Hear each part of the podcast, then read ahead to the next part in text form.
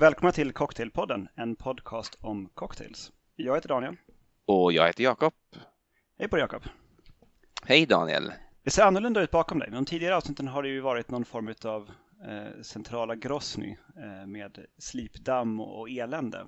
Nu mm. ser det ut att vara någon slags villaövervåning skulle jag säga att det ser ut som. Någon slags övre vardagsrum eller något sånt.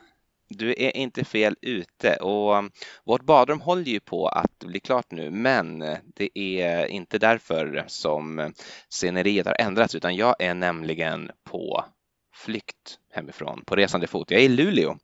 du har flytt ganska långt med andra.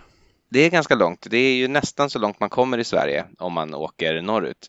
Det är här mina svärföräldrar bor så jag och Linda är och hälsar på dem. Vi kommer att ta oss tillbaka mot eh, Stockholm imorgon per tåg och fortsätta det här resandet. Men just nu befinner jag mig i, i Luleå. Men du är hemma som vanligt va? Jag är hemma igen efter eh, en helg då jag också var på resande fot. Vi var nere i Skåne på ett bröllop och bodde över där. Mm, mm. Just det, hur var det? Ja, det var väldigt, väldigt väl genomfört eh, bröllop. Eh, där faktiskt en gammal, en gammal vän från Cocktailpodden, nämligen Galliana Hotshot, gjorde yeah. ett framträdande. Gud vad bra. Det, det, alltså det, jag misstänker att det är vi som har startat någon slags återkomst. För här var det alltså ungdomar i, vad kan de ha varit, 27-28 års åldern som eh, mer eller mindre otrevligt stod och vrålade på en stackars bartender tjej som jag tror var dotter till, hon, eh, till han som hade vingården. Um, så liksom, hon, bara jobbar där liksom. Står, hänger över bardisken och vrålar, kokar kaffe, vispar grädde, hotshot, hotshot, hotshot. Så att, uh, ja det var fantastiskt. Uh, så att jag, jag beställde också några gallian För det gör man ju när det finns. Det är det är fantastiskt. Eh, det en... konstigt att avstå. Precis, så det gjorde vi inte. Vi avstod inte. Däremot så eh, avstod jag från, eh, från vrålandet. Vi gjorde dock en liten chant vid bordet när vi hade fått våra Grana Hotshots och liksom sådär sjöng den för oss själva vid bordet men inte hals, hals över huvudet, liksom öste denna eh, ramsa på den stackars bartendertjejen. Mer som en sorts liksom helangård då fast eh, för eh, mer anpassat till drycken. Mm. Så det, det, var, det var kul, det var en kul grej där. Och då passar vi också på liksom att testa på lite grann utav dagens tema som är cocktails på resan. Eller jag skulle också kunna säga cocktails inte hemma eller på andra, i andra miljöer och med annan utrustning och med ingen utrustning alls lite så här MacGyverisms improvisationer. Exakt. Um, och jag kanske kan börja där då med eh, tankar kring cocktails på flygplan. Mm. För där sitter man ju lite, lite inträngd. Men det finns ju tillgång till alkohol på de flesta flighter. Eh, det finns en, antingen att det är, ingår i flightens pris och du får någonting från vagnen eller så får du köpa någonting. Mm. Och sen kan man ju debattera huruvida det, det är bra för en att dricka på flighten för liksom att det kan påverka hur man mår när man kommer fram och sådär. Så, när jag reste mycket förut så det flög jag ofta inom Europa. Då var det ju korta resor så då hann man inte med så mycket där. Eh, de få flighter jag hade eh, längre sträckor över till USA då var det ju eh, jobbresor och då skulle jag göra någonting när jag kom fram. Liksom. Så då kunde man inte heller riktigt supa ner sig. Men jag har tänkt väldigt mycket på det här och också testat lite grann vad man faktiskt kan åstadkomma in flight. Mm -hmm um, och man kan, ju, man kan ju inte skaka en cocktail. Man skulle kunna ta med sig en liten shaker men alltså, knäppjöksfaktorn blir för hög. Det går inte. Man, man kan bara inte göra det. Men däremot så finns det, finns ju mycket saker man kan få tag i. Där. Så det, det finns eh, citrus, eh, små citrusklyftor och skivor hos eh, kabinpersonalen om man, mm. eh, om man är trevlig mot dem och eh, så kan man kanske få lite mer eller så kan man ju ta med sig citrus ombord som man kan pressa eh, på plats. Alltså man kan ta klyftor i en påse liksom, eller i en liten burk. Eh, som ett litet snackpack och det är ju ingenting som eh, säkerhetskontrollen har något bekymmer med att man tar med sig frukt ombord. Eh, kniv att skära den med kan vara lite svårare. Eh, det man får väl ha med sig någon slags liten fällkniv eller någonting. Men det, det kan nog bero lite grann på vem som står i säkerhetskontrollen huruvida en sån liten typ ja. nagelsaxfällkniv grej, om den är okej okay eller inte. Det kan de nog ändå norpa tror jag. Om man jag tror otur. att de kan det om man har otur. Men jag tror, beroende på vilka man flyger med eller vilka flygplatser man ska till så finns det regler som man, man ska kunna få ta med sig någonting lite sånt. Men det är bra att ha allting skuret och klart innan. så jag tänkte jag skulle faktiskt göra en, eh, en in-flight daiquiri. Alright, så vi liksom lajvar flygplan nu helt plötsligt? Precis, förutom att jag, jag har inga plastmuggar som man alltid får på, på plan. Eh, jag har två helt vanliga glas. Så vi får låtsas att det här är plastmuggar. Ja, all right. Um, och då behöver man för det första be att få två stycken när de kommer förbi. Så att man får en med isen i och en eh, tom. Så, så simulerar vi detta genom att fylla upp det här glaset med is. Jag kommer snart att drälla lite grann omkring mig tror jag för att de här glasen och den här isen är ganska stor. Så det kommer bli lite småsvårt. Och sen brukar man kunna få sockerpaket ombord. Man kan ja, också ta med sig eh, sockersirap i en liten, liten flaska som man får ha i, i sin carry-on bag med vätskor. Just det, om den är märkt en deciliter va? Visst är det ja, omärkta? Om det är, jag har en flaska här till exempel som jag har Angostura Bitters i. Som du kan se, ja. den är ju typ 2 centiliter. Det är så uppenbart att det här är under 100 milliliter. Ja, då så. så den ska nog inte vara något bekymmer faktiskt, för den är så pass uppenbart liten. Om man tar, häller i lite strösocker från en sån här sockerpåse. Och sen eh, min medhavda eller från eh, eh flyg eh, kabinpersonalen fodda limeklyftor, några stycken. Jag har en lime ungefär i klyftat format. Man tappar ju lite grann av väskan när man pressar klyftor jämfört med om man hade pressat i en, en juicepress. Man får mm. inte ut riktigt lika mycket. Så man kan ju också om man, om man vet att man, man kommer att vilja ha cocktails, det här är lite mer improviserat, eh, så kan man ju också ta med sig färdigpressad och silad juice. Då måste man ju också ha dem i något litet kärl då som eh, inte är för stort. Men det kan man ju absolut göra. Men man kan väl ta med sig en liten juicepress också, fast då är man ju igen på knäppjökstadiet förstås. Ja, det, det, går faktiskt inte. Det, det, det, blir för konstigt. Och man vill ju på något vis ändå liksom att, att ens medresenärer inte ska tro liksom att man när som helst liksom ska flippa ut på dem.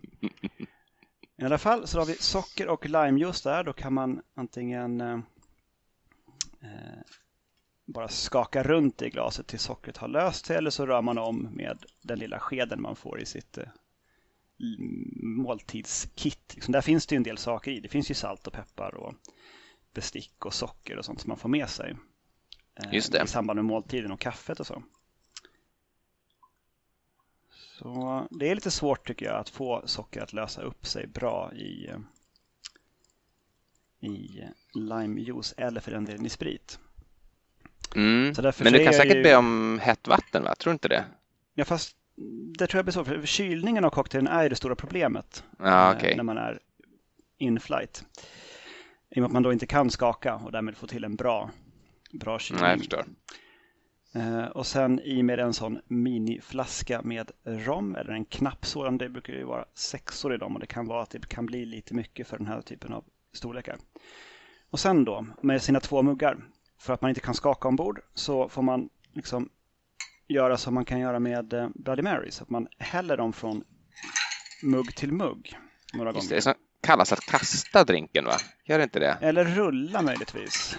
Ja. Jag vet inte riktigt. Men man gör det tills den liksom har men just när man byter, svar. jag tänker att rulla om du har kvar den i shaken hela tiden, det är det du gör med Bloody Mary för sig, men jag tror att den här tekniken just att hälla mellan två olika kärl, ja. tror jag på engelska kallas throw i alla fall, så det borde okay. bli kasta på svenska. Då ska det stå i instruktionerna att man ska kasta sin drink. Och sen kan man ju välja att, att ha kvar den på, på is eh, om, man, om man känner för det, eller så kan man liksom, eh, hålla tillbaka isen med en plastgaffel och sen slå upp den i den tomma muggen. Och där så har jag min cocktail för avsnittet klar. En In-Flight Daiquiri. Snyggt! Mm. Jag kunde haft lite mer socker känner jag nu. Jag skulle kunna haft eh, ett och ett halvt sånt här, eh, i det här fallet Coffee House by George. Som gärna får höra av sig till cocktailpodd.gmail.com angående betalningen för den kommentaren. Eh, du kan väl, du kan väl säkert kalla på en, en flygvärdinna och få ett till sockerrör, tror du inte det? Absolut, det ska jag kunna göra. Nu är inte Emelie hemma nu så att jag har tyvärr ingen flygvärdinna i huset som jag kan, kan få hjälp av med detta. Men så, så det är ju en, ett sätt man kan göra det på. Jag har lite flera saker däremellan, men jag tänker du kanske kan sticka in med eh, din cocktail?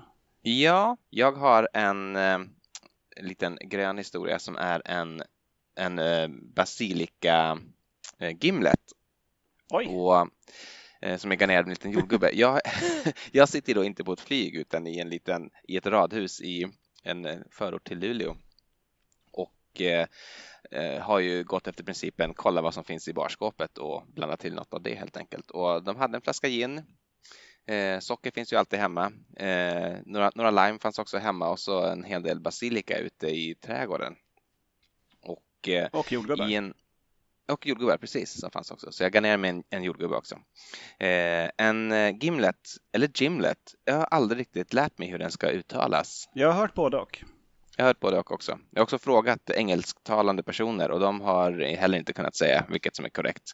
Så det förblir ett mysterium hur denna drink eh, ska uttalas. Men hur den ska göras är ju inget mysterium. Det är ju en, en, en väldigt enkel drink. Det förvånar mig när jag tänker efter att vi inte hade med Gimlet när vi pratade drinkar om två ingredienser. Medan det är gin och eh, Roses Lime Cordial i en vanlig, i en vanlig Gimlet. Eh, jag är inte alls förtjust i Roses Lime Cordial. Det finns en del som är det. Men eh, jag har valt att göra den här utan. jag har gjort den på sockerlag och eh, på limejuice istället. Vilket ju ger en liten annan smak men enligt mig mycket godare. Jag kan också säga att vi inte hade någon Roses Lime Cordial så det bidrog ju också. Eh, det här är ett avsnitt som går ut på att göra drinkar med det man har tillgängligt.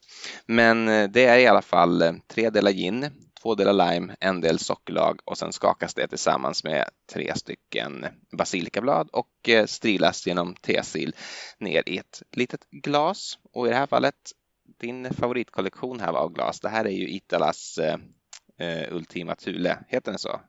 Ja, den serien heter Ultima Thule.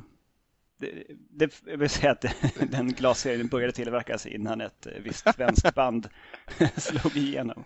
Just så det är inte, inte döpt efter bandet utan efter den, den nordligaste norr eller vad det ska, ska betyda. Eh, jag har nog gjort den här med lite för lite socker inser jag, för min smak. Mm. Den är... Det måste vara en väldig skillnad mellan att göra den på Roses Lime som är liksom limesaft, alltså som i saft, saftkalassaft. Ja men precis. Och att göra den som du har gjort som är väl mer av en sour. Ja, exakt. Eh, det, det, blir ju en viss skillnad. Eh, den är mycket mildare med Roses Lime. Man skulle ju kunna ha jag tror att man skulle kunna väcka upp det genom att ha mer socker i helt enkelt. Så det här blir ju lite mer av en sorts gin lime sour, men med en basilika-ton då. Basilika och lime för övrigt väldigt gott ihop. Eh, man kan gott eh, slänga ner lite basilika även i andra drinkar, även om de inte heter något med basil eller basilika. Eh, ja, men det, det är väl det jag har gjort eh, idag. Jag vill förresten också, nu när jag ändå kommer att tänka på det, nämna att eh, den här drinken som jag har pratat om flera gånger som är en mango daiquiri som, som alla tycker så väldigt mycket om. Jag har fått ytterligare bevis nu att den, att den är älskad av alla. Jag menar, vi har bjudit Lindas föräldrar, mina svärföräldrar på den och de som inte alls tycker om cocktails har ändå blivit sådär helt, helt magiskt frälsta i den. Så nu har vi köpt okay, en sån när, flaska. när du stod där hemma och, och, och flackade med blicken med en öppen resväska in till dig, liksom i en pressad sista sekund innan du lämnar lägenheten. Mm. Rycker tag i, i, en flaska för att få med dig åtminstone någonting upp så du kan vara säker på att du kan tillreda någonting bra. tar du mangorommen. Uh, ungefär så ja.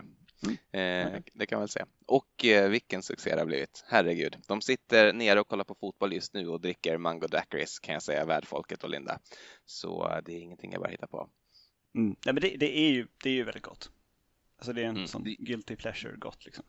Det är ju lättsålt kan man säga. Det är ju det är någonting, om, om man liksom inte har någon förförståelse så har jag väldigt svårt att se hur man skulle kunna tycka att det inte är gott. Det är som en White Russian eller någonting annat. Mm. Det är sött och gott. Precis, godis i ett glas. Exakt. Eh, ja, Men det... eh, vad tänkte jag på? Jo, det finns ju det finns sådana in-flight cocktail kits man kan köpa. jag tycker de lämnar ganska mycket att önska. Dels är de jättedyra. Men det är så kommer mm. en jättefin liten ask och sen så kommer det med en liten sådär specialgjord sked och en liten servett i tyg som är liksom med lite, någon bokstäver på sådär. Och sen så en liten flaska med någonting som de ska ha till sin cocktail. Då brukar det kunna vara eh, angostura bitters eller någonting sånt, liksom, helt vanligt. Så där kan man ju göra väldigt mycket bättre själv än att köpa. Det känns som en gimmickig produkt som man kan typ, ja men jag har en kompis som gillar cocktails. Jag köper ett jättefint cocktailkit till honom. Som är, inte är så användbart. Men om man får tag i sådana här, eh, såna små flaskor som är på två, två centiliter ungefär tror jag. Mm. Den här eh, har kommit någon sån essentiell olja i från början. En sån doft, doftolja som man kan diska ur och sen köra i diskmaskinen några gånger tills man får bort doften av det. Så har man en ganska bra flaska. Och den här har jag Angostura Bitters i. Som mm. vi använde eh, för vår egen lilla fördrink eh, på hotellrummet medan vi väntade på att eh, festligheterna skulle komma igång när vi var på bröllopet. Aha. Då gjorde vi eh, rum old fashion, hotel room rum old fashion. Så då hade jag med mig en liten flaska med eh, 2 till 1 sockersirap, Angostura Bitters, eh, snodde en apelsin på vägen, fick en skål med is från hotellpersonalen och sen rörde vi till eh, bara i glaset då med eh, rom, socker, angostura och sen så vred apelsinskal över. Vansinnigt tillfredsställande. Mm. Eh, som en bra bra start på dagen på något vis. En lugn stund. Och det är, är man på hotellrum så finns det ju ofta is att få tag i. Det finns ofta i lobbyn skålar med frukt. Det, det, det finns mycket mer att, att få tag i. Man har lite mer utrymme omkring sig. Det finns ofta till och med riktiga glas, vilket ju i det här sammanhanget är lite av en lyx. Liksom. Mm, man, det är inte alls omöjligt att man kan få upp en shaker och i vissa hotellrum har de ju till och med en liten sån här liksom endrinks-shaker eh, ståendes och väntandes på en också ovanpå minibaren. Men om det inte redan det har finns så... sett. Det var ju har du inte sett det? Ja.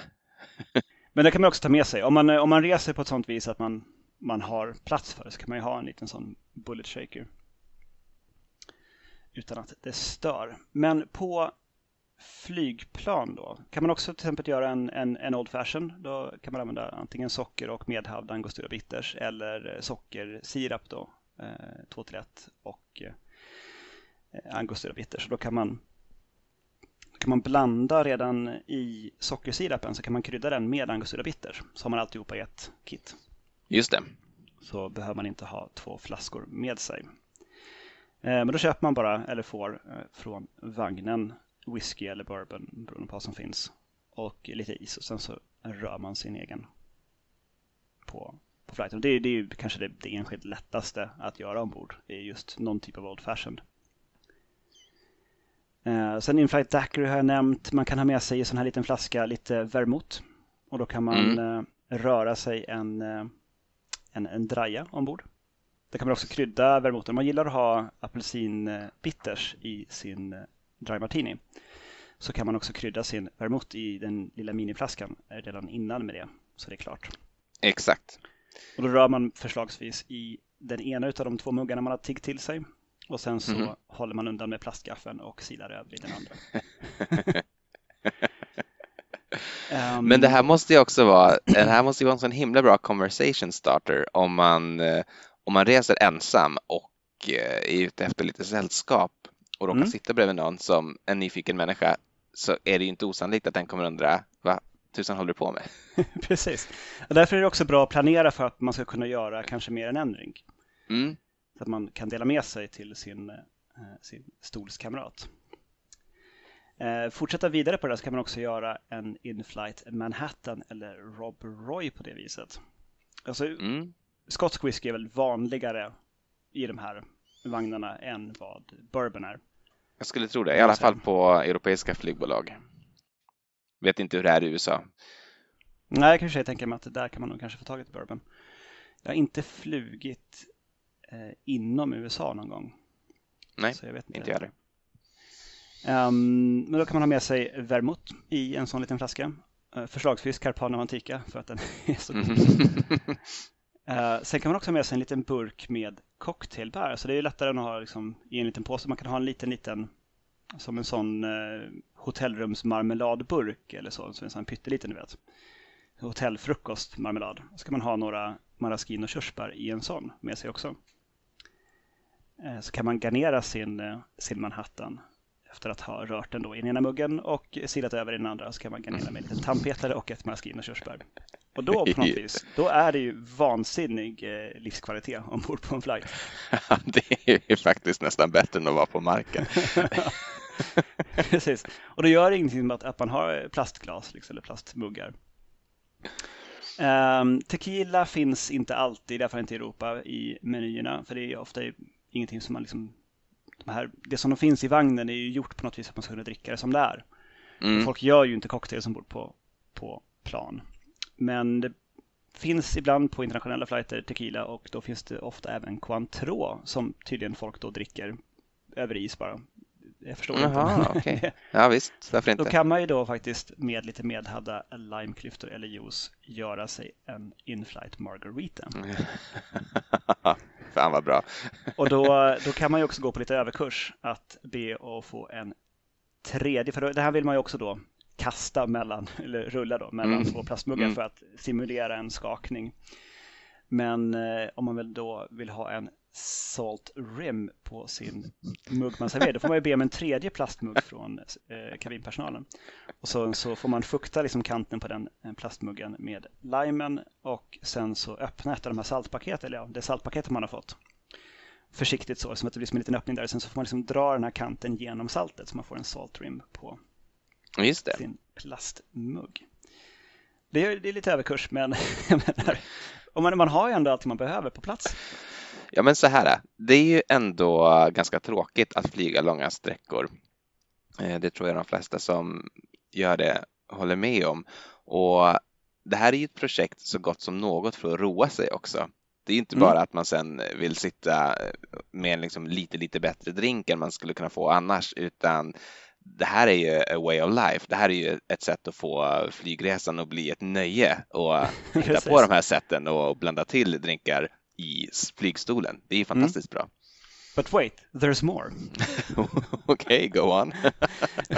om det finns kaffegrädde eller liksom mjölk. Mjölk är lite så, det är inte riktigt vad det ska vara, men man är ju under svåra förhållanden. Men finns det kaffegrädde ombord på planet så kanske man kan tigga till sig några stycken sådana små tetror.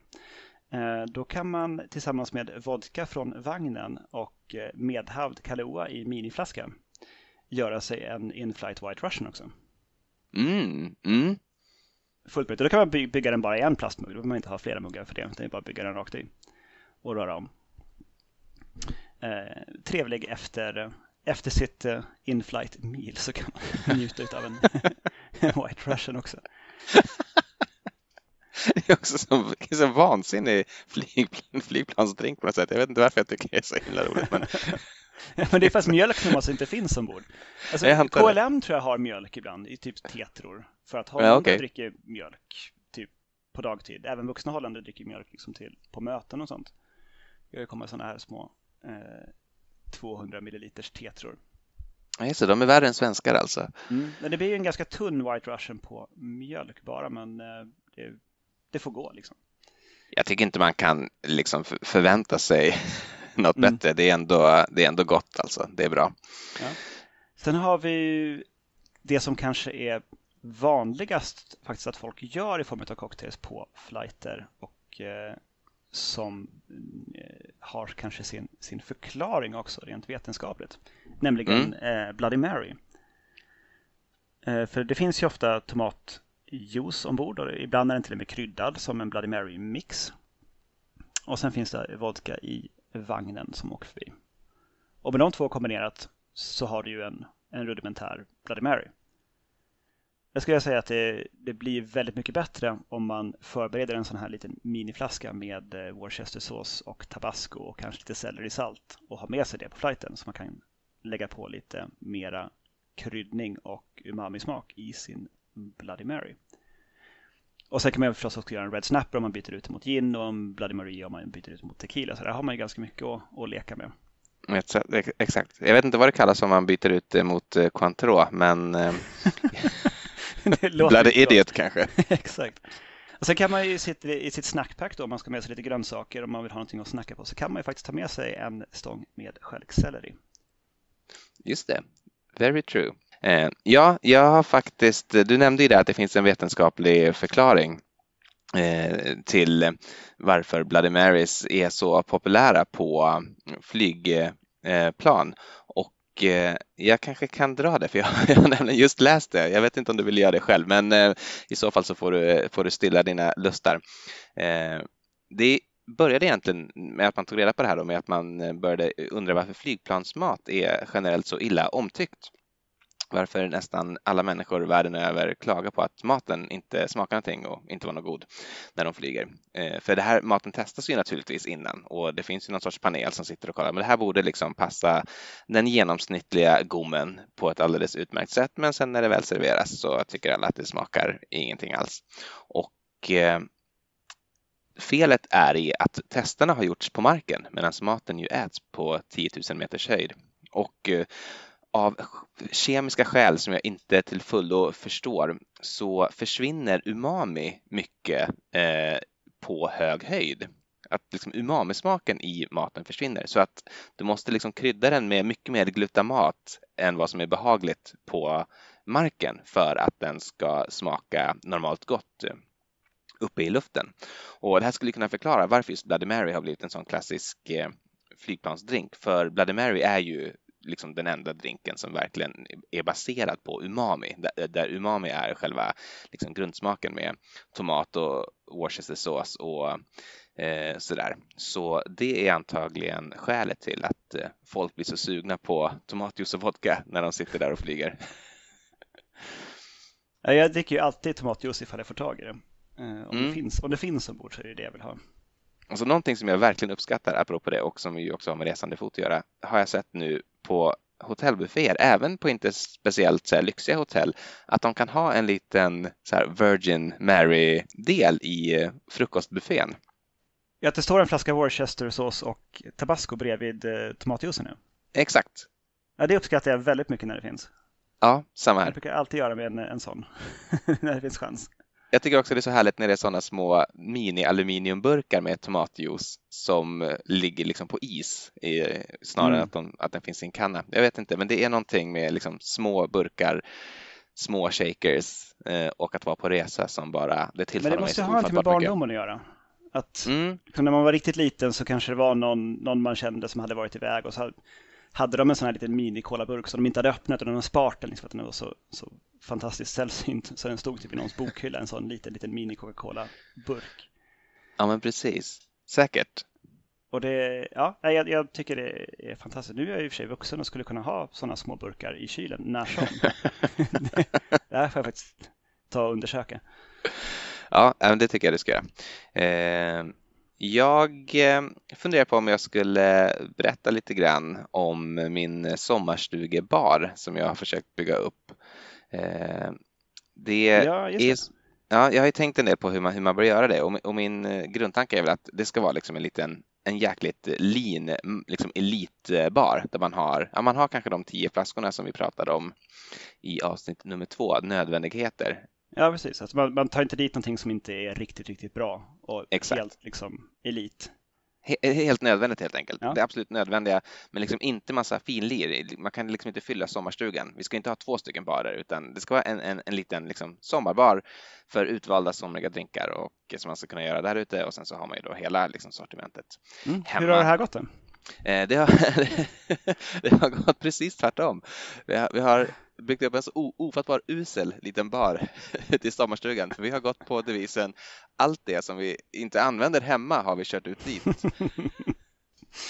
Så vi har maraschino-likör, men vi har inte Luxardo utan Mondo maraschino. Nej, inte Mondo! Och vi har vit rom, men vi har inte Havana Club utan vi har eh, Bacardis eh, mögelsmakande ja. rom. Vi har även till, till och med, Ango, vad heter det, inte Angostura Bitters utan Orange Bitters, men då inte från Angostura utan från The Fee Brothers. Eh, lite kemiskt smakande. Eh... Ja, lite grann som eh, den smakar som apelsinpess, om du vet om det är liksom ja, jo. Exakt. Eh, så, så det har tyvärr inte riktigt gått, så det här måste vi jobba vidare på. Men eh, vi har ändå lyckats eh, tillreda oss några rudimentära drinkar där ute med det lilla utbud vi har där. Men det blir lite av en utmaning på något vis. Ja, det är det. Ja, det, blir, det så det är ju roligt på så också. Al albansk raki har vi inte lyckats riktigt eh, få in på något, på något bra sätt innan drinken, men det står där ute i alla fall och väntar bara på att bli upptäckt. Nästan allting går det ju att göra en sour på. Mm. Och det blir gott.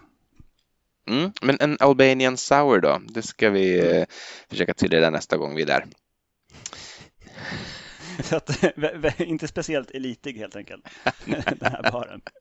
Nej, nej, nej verkligen men det är väl inte. också, det är ju semester och sommar liksom, så då, ja, ja, det, det får väl gå liksom. Ja, men å andra sidan tänker jag att det kanske är rätt eh, approach ändå. Det, vi kanske tänkte fel där att man skulle ha en elitbar ute på sommarbaren. Jag tänker en sommarstuga, vad förknippar man med det? Man förknippar det med enkelhet, men jag tänker också att man förknippar det med gamla böcker som har liksom med gulnade blad som har varit eh och, och blivit liksom ja, fula ja. under vintern. Gamla Fantomen-tidningar. Ja, men sånt man har läst redan och sådär. Ja. Sånt som inte är att man tar dit de bästa, liksom spar det bästa dit, utan det är liksom en del av det vilsamma i att, eh, i att allt är lite sämre än det är normalt. Så eh, vi kanske ändå är något på spåren eh, som vi inte först förstod själva. Eh, men eh, ja, jag lär väl komma med fler rapporter därifrån för jag förväntar mig att eh, hänga en del där ute. Mm. Jag har två festliga recept till för In-Flight. Ja, men okej, kör. Eh, för vad är festligare än champagne? Och vad finns på flygplan? Jo, champagne. I Sant. alla fall om man har turen att åka i business class någon gång. Så finns det, då delar de väl ut champagne. Då bara, nej men vänta, kan du komma tillbaka om några minuter? Jag ska bara förbereda lite grann här. Då kan man nämligen, eh, om man tar gin från, från vagnen eh, och eh, någon miniflaska champagne och sen så har man pressad citron eller klyftor och socker eller sockersirap beroende på liksom hur man har förberett. Eh, och rullar då liksom gin, citron och socker från mugg till mugg tills det där liksom har eh, blivit svalt och fint. Och sen silar bort isen och toppar med champagne så har man en In-Flight French 75. Wow! Mm -hmm. Fan vad kung man ska vara. Precis. Alltså nästan lite väl kung. Så, så, så fantastiskt bra livet måste vara. Eh, lite enklare är att bara göra en, en champagne cocktail. Då tar man socker och medhavd angostura och sen toppar man upp med champagne. Just det. Ja, men det, är, det, det är också ganska kung. Det är ganska mm. härligt. Ja, ja men det, det, då är det livet på en pinne på något vis. Ja, det kan man säga. Bara flyga första klass, vilket jag aldrig har gjort, känns ju ganska liksom härligt redan där och att dessutom ha då en inflight 75 eller inflight eh, champagne cocktail, ja det, det är ja. bara för bra. Men jag tänkte jag skulle visa min, för det här är någonstans där jag hade tänkt att börja det avsnittet egentligen, men sen så vart jag så till mig med att göra min eh, Din daiquiri. daiquiri. Precis. Eh, jag har en sån här liten ask eh, som jag har grejerna i. Mm. Den kommer från ett, ett sykit som jag har köpt bara på, i en vanlig ICA-butik. Så den har ett sånt här mönster på utsidan. Det ser ut som ett, ett gammalt flygbrev, ett mm. avionbrev med sån här liksom blått och rött i, i kanten. Och så står det Australia och sen så är det några gamla frimärken och stämplar och elände på. Men den är lagom stor för att man ska få ner de här två centiliters flaskorna i. Så kan man ha en eller två sådana här i. Man kan ha en, en, en liten fickkniv eller liknande.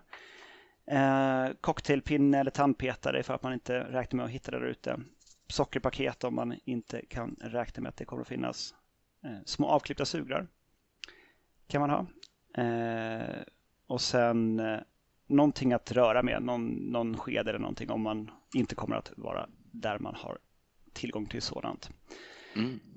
Så ett sånt litet kit kan man göra istället för att köpa ett för typ 600 spänn som visserligen är snyggare men som också inte innehåller riktigt så mycket. Det är ganska ont om plats i den. Du kan väl ta en bild på det där om du inte redan gjort det? Mm, jag tog en bild på det här tillsammans med våra hotellrums Old Fashioned i helgen. Ah, perfekt, jättebra. Det finns, eh, det finns en bild på detta. Eh, sen så kan man ju utöka från det också. Man skulle kunna tänka sig att man kan ha en, en liten minimuddlare. En liten träpinne mm. man kan pressa till citrus med. Uh, ifall att man på resande fot vill göra sig en mojito eller liknande. Så vill man kunna muddla saker. Uh, det här, man kan ha en liten burk med cocktailbär nämnde jag tidigare. Mm. Uh, och sen kan man ha olika flaskor med citrusjuicer om man inte tänker att man ska pressa på plats. Men jag tycker att det är lite grann av upplevelsen också, att man sitter där och fipplar. För det, då går ju också tiden lite grann på flighten när man sitter och pressar sina klyftor. Ja men exakt, visst är det så. Um, men du har också någonting annat att berätta om. Den definitiva guiden till Luleå, vad jag förstår. Ja men precis, jag tänker ju en, eh, en sak när man är ute och reser eh, som, som är själva essensen det är ju att eh, upptäcka det lokala, det, eh, det lokalt förankrade eh, restauranglivet och barutbudet och seder och bruk och, och allt sånt där. Eh, helt enkelt eh, get down with the locals. Så igår så var jag och Linda ute på en liten barrunda i Luleå och Eh, satte ihop en eh, guide då, det som du kallar den definitiva, den definitiva guiden till, till Luleå. Eh, och det är väl tre stopp egentligen som jag tänkte ta upp framför allt. Vi började nere i vid hamnen där eh, det en gång i tiden har legat ett bryggeri som på den tiden då Linda bodde här var en enorm nattklubb i tre våningar och eh, som lade ner någon gång, typ i början på 00-talet kanske, men nu har öppnat igen i form av en fine dining restaurang som heter Vilgot. Eh, och inte bara en restaurang utan de har också, det är något sorts företagskollektiv så i, i det här huset ligger också en tatuerare och en frisör och allt det här hör ihop på något sätt och de delar estetik och delar logga och eh, är väl på något sätt samma eh, organisation. Eh, men eh, de har också en, eh, en liten bardel då, så vi var inte där och åt, men vi var där och inledde vår kväll med varsin cocktail. Och ja, tyvärr så är det här inte kvällens vinnare. Det, finns, det fanns vissa bra saker. Något som jag tyckte var roligt var att eh, det här Vilgot, de stavar för övrigt namnet med två L så att det ska vara att de vill gott. Eh, fast bara med ett T då så att det blir villgot. Så ja, ja. Nej, precis. Jag, jag tänker mig att de ändå har suttit på, i något konferensrum eller någonting och, och spånat med en whiteboard vad det ska heta. Ja, det tror jag. Eh, en, en, en, en, sak i det här då goda tänkandet som de då vill, det är eh, att allt ska vara så lokalt förankrat som möjligt. Det ska vara lokala råvaror och lokala smaker och, och så. Och jag tror att de kallar sin mat någon sorts Nordic fusion. Eh, så det är liksom nordisk mat från olika regioner men med ett väldigt tydligt ändå Norrbotten-tema. Eh, och de har också små mätare kring varje liten eh, rätt eller dryck på menyn där det står hur mycket därifrån som kommer ifrån närområdet. Och eh, det gäller då även cocktailsarna. Tyvärr så var det inte så många cocktails på menyn när vi kom dit. Det finns en hel del på hemsidan som de skryter om, men de var inte där utan de hade fyra stycken varav en dessutom inte kunde beställas för att de inte hade någon bourbon eh, hemma. Eh, men jag tog något eh, som hette Devil Infused Lingon, vilket i princip var en liksom uppdaterad vargtass. Och vargtass har vi ju pratat om här tidigare. Eh, tema. Precis, som är lingondricka och vodka då. Eh, och det här var lingondricka och någon sorts anissmakande eller lakritssmakande vodka eh, och lite lime och eh, råröra lingon och lite, lite toppat med lite sodavatten och serverat som en long drink som man då drack med sugrör. Inte speciellt balanserad, för syrlig för min smak för att vara en, en long drink. Eh, nästan ingen sötma överhuvudtaget. Eh, som lingon är ju inte, det är inte jordens sötaste bär precis. Och det var nog ingen liksom adderad eh, eh sötma överhuvudtaget, utan det var, det var sötman från råröda lingon som, som, som utgjorde det söta. Så den var tyvärr, den var ganska fin tycker jag, men den var inte sådär väldigt, väldigt god. Linda tog en Elderflower Collins, alltså en Fläder Collins helt enkelt. Eh, den var däremot eh, riktigt smaskig. Den var ungefär som man tänker sig. Påminner för övrigt om den italienska drinken Hugo. Jag vet inte om du har kommit över den någon gång. Eh, fanns överallt också i Slovakien när vi var där, förlåt, Slovenien. Eh, förra året var det. Eh, men det är egentligen någon sorts fläderdricka och eh, champagne, eller prosecco eller någonting sånt. något som bubblar i alla fall.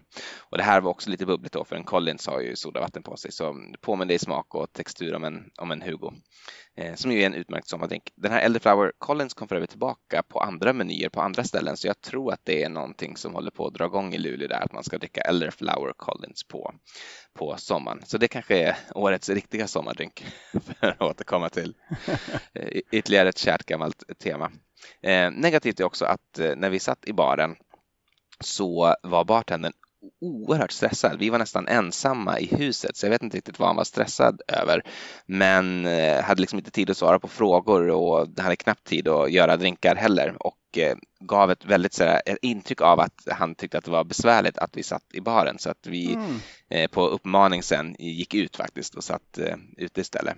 Okay. Eh, alltså jag, jag, får ju hellre dåliga drinkar men ett trevligt mötande. Mm. Eh, än, så, än tvärtom. Ja, så jag tycker det var, det var lite av ett minus, men ändå väldigt vacker utsikt också. Man har utsikt över Luleå älv från deras uteservering, så ändå en bra start på dagen i alla fall. Hur som helst, därifrån gick vi vidare till Taverna Gusto som är en italiensk restaurang och pizzeria. Som vi har, Ja, som vi har besökt, eller vi har besökt tidigare år och där vi också har druckit rätt bra drinkar tidigare. De har en väldigt eh, rolig drinkmeny där de bland annat specificerar vilken vermouth de har då och eh, i sin Negroni så har de just Carpano Antica Formula som oh. vi båda tycker så mycket om. Så det båda är gott. På menyn finns det också en Old Fashion och där står det att du kan välja om du vill ha den med mescal eller med bourbon. Och eh, jag bad då om en, en mescal, Old Fashioned, men eh, då förstod inte barpersonalen vad jag menade. De trodde jag pratade om mat till att börja med, så de, trodde, eh, de visste inte vad mescal var och visste heller inte vad en Old Fashioned var, utan trodde att jag bad om någon, typ, någon pizza som hette det. Och, alltså när jag sa, ja, men, ja, också när jag pekade, nej men jag vill ha en, en det är alltså en, en, en, drink, den som ni har på menyn där som är precis bakom din rygg. Här så, i restaurang? Ja, precis. Nej, men aha, nej, det där gör vi inte. Så, bara. Och så, så jag fick ingen drink då där helt enkelt. Så ja, nej, där cocktailmenyn på väggen. Nej, nej, nej, det, det är bara dekor. nej, nej, nej, vi gör inte cocktails överhuvudtaget. Det, den bara finns där för att det ska se ut så. Vilket också är lite märkligt. Jag tycker att det är ju, det här var en måndagkväll kan jag säga, så att det, det är förståeligt på ett sätt om de inte har liksom full eh, personalstyrka där. Men jag tycker det är lite märkligt att inte veta vad saker är som finns på sin egen meny och framförallt inte ens veta om man beställer en drink eller en mat. Eh, tycker jag ändå är eh, kanske någon sorts lägsta nivå, även om man då inte har någon tillräckligt kunnig person som kan blanda till den. Men det där är faktiskt eh, en, en, en kort instick bara parallell för när jag och Emelie var på resa. Så eh, när vi hade kommit fram och så hade vi, sen, vi hade inte, inte druckit på resan, vi skulle gå och lägga oss för vi hade flugit över till, till Seattle och då är man ganska trött när man kommer fram. Eh, så går vi ut med dem som vi eh, är och besöker och eh, går till en pizzeria. Och då beställer Emily en margarita-pizza. Men in kommer en margarita. så bara, ja, ja, okej, okay, jag antar att vi dricker den då. då. så delar vi på den sen. Men det är ju roligt ändå. Det var ju lite tvärtom, men samma sak ändå på något sätt. Mm. Eh, ja, nej, men så jag kan inte ge något betyg riktigt till Taverna Gusto eftersom jag inte kunde få någon, någon drink där. Men jag har druckit där tidigare och eh, bland annat eh, druckit en Sazerac som serverades under namnet Sarasek, vilket jag tyckte var mm. lite roligt, men eh, som var väldigt välblandad. Men så, så det har jag ingenting att klaga på alls och tillika då, även det här var förra året, en eh, Grappatini kallar de det för, men det var i princip en daiquiri med eh, grappa istället för rom. Eh, väldigt god om man tycker om grappa, annars smakar den för mycket grappa. Men eh, jag är ändå lite av en grappa-drickare så jag en uppskattar den väldigt mycket. Ja, det kan man säga. Det kan man säga precis. Ja, men sagt, eh, allt, allting i en sour blir gott. Ja, men så är det ju. Det är så himla svårt att, att, att förstöra en sour. Eh, Okej, okay. sista då som vi gick till efter maten, det var eh, CG som ju också är en ganska välrenommerad restaurang där i Luleå. Och de har en bardel, den har alltid varit stängd när vi har besökt den. Så, och det var den även den här gången. Men även liksom i matsalen så har de kring bardisken typ fem stolar där man kan sitta och eh, dricka drinkar och prata med bartendern om man vill. Och eh, här kan jag säga att vår lycka vände, eh, vår tur vände, för herregud, det är ett sånt himla himla trevligt ställe, CG.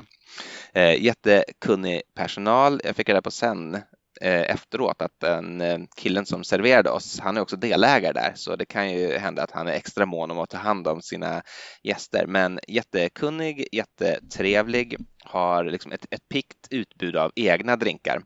Eh, Linda drack eh, två av dem, eh, en som heter Icebreaker, vilken var någon sorts tequila sour variant. Jag vet inte riktigt vad den innehöll mer.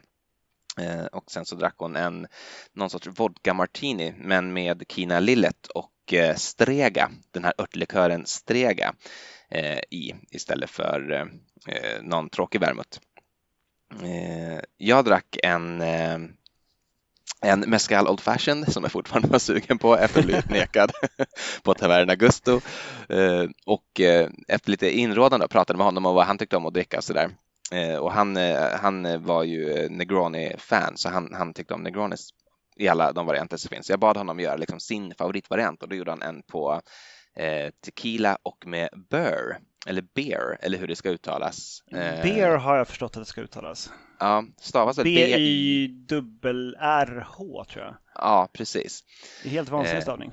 Ja, eh, som jag då faktiskt aldrig har smakat tidigare. Så jag kan inte riktigt plocka ut hur det, hur det gjorde sig i drinken då, eftersom jag inte eller riktigt vet vad de hade för, liksom, hur de andra ingredienserna smakade så. Men det var en fantastisk eh, en fantastisk eh, Negroni i alla fall och roligt att han att han dels hade en åsikt och sen kunde liksom göra en, en, en, en originell men god variant av en så klassisk drink. Så ja, CG får betyget 5 av 5. fantastiskt utbud, jättekunnig personal, spännande, pikt liksom utbud av spriter, eh, liksom roliga, roliga märken, roliga eh, vermuts och allt sånt där. Så eh, otroligt bra.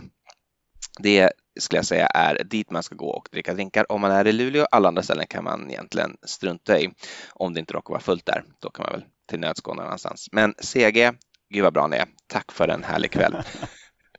Jag kan som ett litet, ett litet, en liten bonus säga att e-, efter det här så alltså var klockan bara åtta, vi var ute ganska tidigt och eftersom fotbolls-VM på går och en match började åtta så gick vi till en liten sportbar som heter The Corner.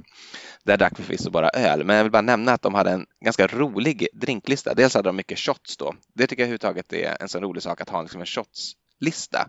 Eh, liksom en, en, en, riktig meny för bara shots, men också en, en drinklista med säkert en 20-30 olika drinkar.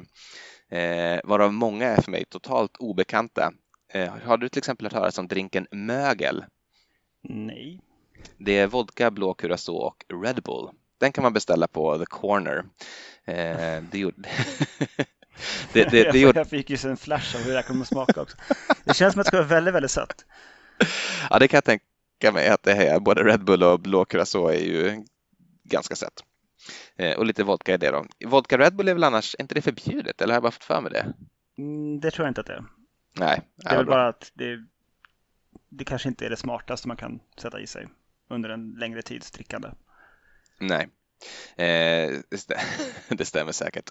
Men The Corner är ett jättehärligt ställe och man får också ölen i 0,6 glas, vilket jag ju uppskattar.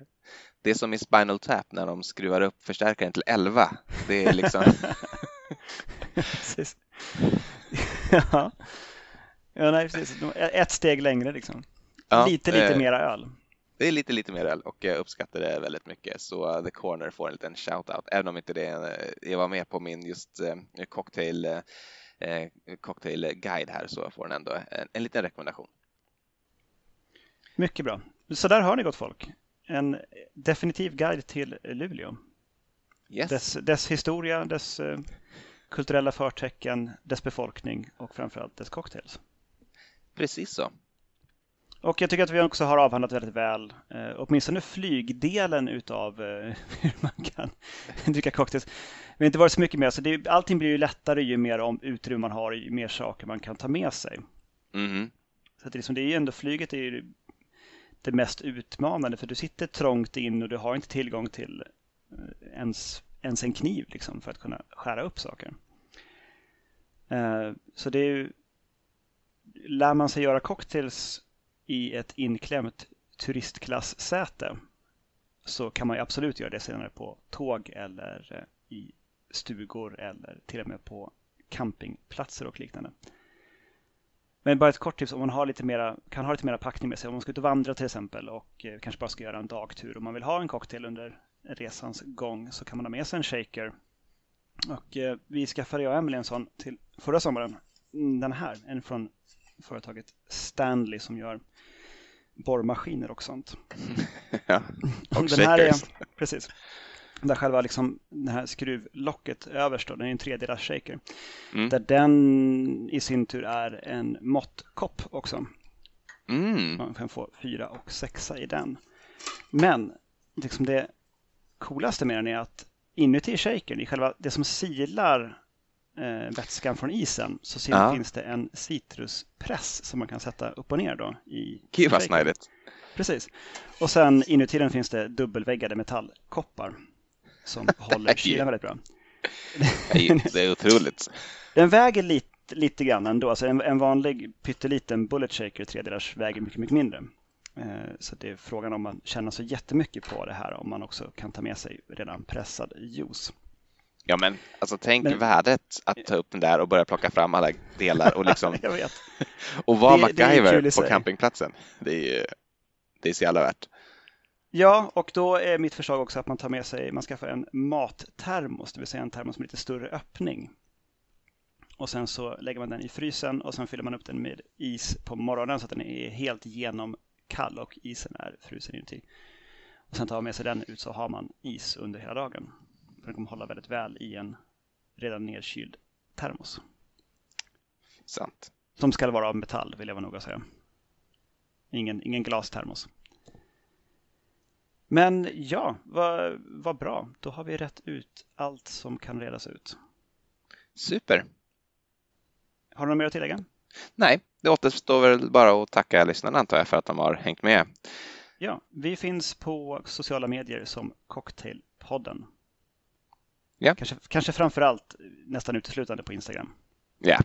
Man kan också mejla till oss på cocktailpodden gmail.com med ris eller ros. Det kan man göra och det får ni jättegärna göra. Och eh, fram till dess, skål och eh, hej då! Hej då!